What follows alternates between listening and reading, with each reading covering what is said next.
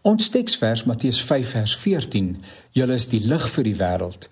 Laat julle lig so voor die mense skyn dat hulle julle goeie werke kan sien en julle Vader wat in die hemel is verheerlik. Hier word van 'n ander metafoor gebruik gemaak, te wete lig. Nou Suid-Afrikaners weet hoe dit voel om in die donker te probeer rigting vind.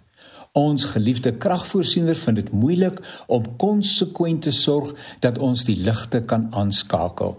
Veral besighede ly erg daaronder. Sonder elektrisiteit is daar nie sprake van lig nie, nie van ekonomiese groei nie en 'n skerse en ander forme van lig ons voorland. Jesus se voorligting is baie konkreet. Jakobus adem dieselfde gedagtes. Jy sê jy's 'n man en vrou van geloof? Wys my waar dit gedemonstreer word, redeneer Jakobus. Geloof is nie 'n teoretiese aangeleentheid nie, maar word in die praktyk van elke dag vergestel. Suid-Afrika is swanger aan geleenthede om as ligdraers op te tree en ook op praktiese wyse 'n verskil te maak in die lewens van mense. Ons vermoëns verskil van mekaar toegegee, maar tog het elkeen die vermoë om iets te doen om die leefwêreld van minderbevoorregtes ietwat te vergemaklik en draaglik te maak. Sommige gee geld en as dit nie maar net 'n manier is om jou gewete te sis nie, maar inderdaad bedoel is om ander mense in die vermoë te stel om aan hulle basiese behoeftes te voorsien en te vervul, is dit prysenswaardig.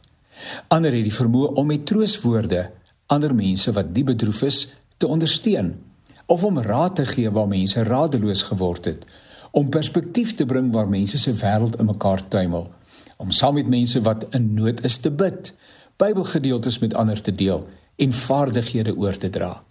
Feit vir die saak is dat elkeen van ons geroep word om 'n verskil te maak in hierdie wêreld. Jesus gebruik lig en goeie werke in dieselfde sinsnede.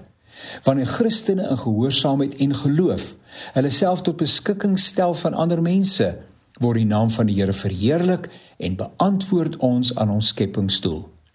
Mag ek weer vra en sonder om aanstoot te gee, Jy sê jy's 'n man en 'n vrou van geloof.